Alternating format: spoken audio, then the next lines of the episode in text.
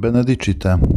Kolejny urywek z Ewangelii według świętego Marka. Potem przyszedł do domu, a tłum znów się zbierał, tak że nawet posilić się nie mogli. Gdy to posłyszeli jego bliscy, wybrali się, żeby go powstrzymać. Mówiono bowiem, odszedł od zmysłów. Niezwykle krótki fragment, ale mówiący bardzo dużo na temat ludzkiej kondycji Pana. Jezus prawdziwie stał się człowiekiem, tak jak wyznajemy z całą tradycją Kościoła i wszystkie konsekwencje ludzkiej kondycji dźwigał.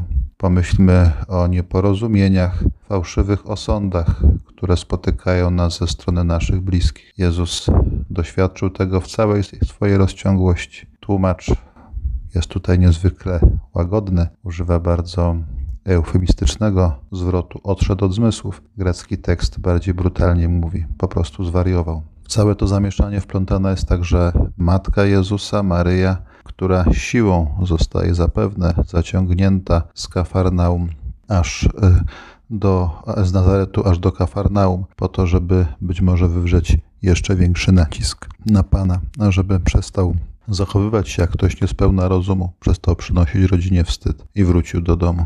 To od razu może nam pokazać, co mogli mówić ci ludzie, krewni Pana, wtedy, kiedy został ukrzyżowany. Mogli mówić jego matce, że się doigrał, że stało się to, czego oni się obawiali, przed czym przestrzegali, a czego nikt nie chciał słuchać.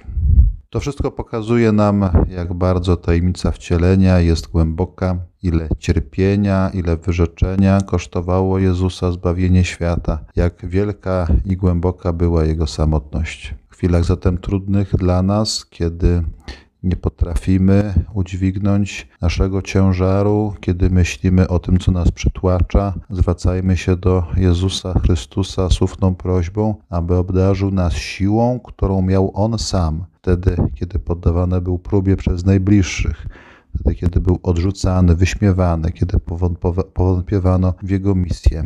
Prośmy Go o taką wytrwałość, jaką miał On, taką, która doprowadziła dzieło świata do szczęśliwego finału.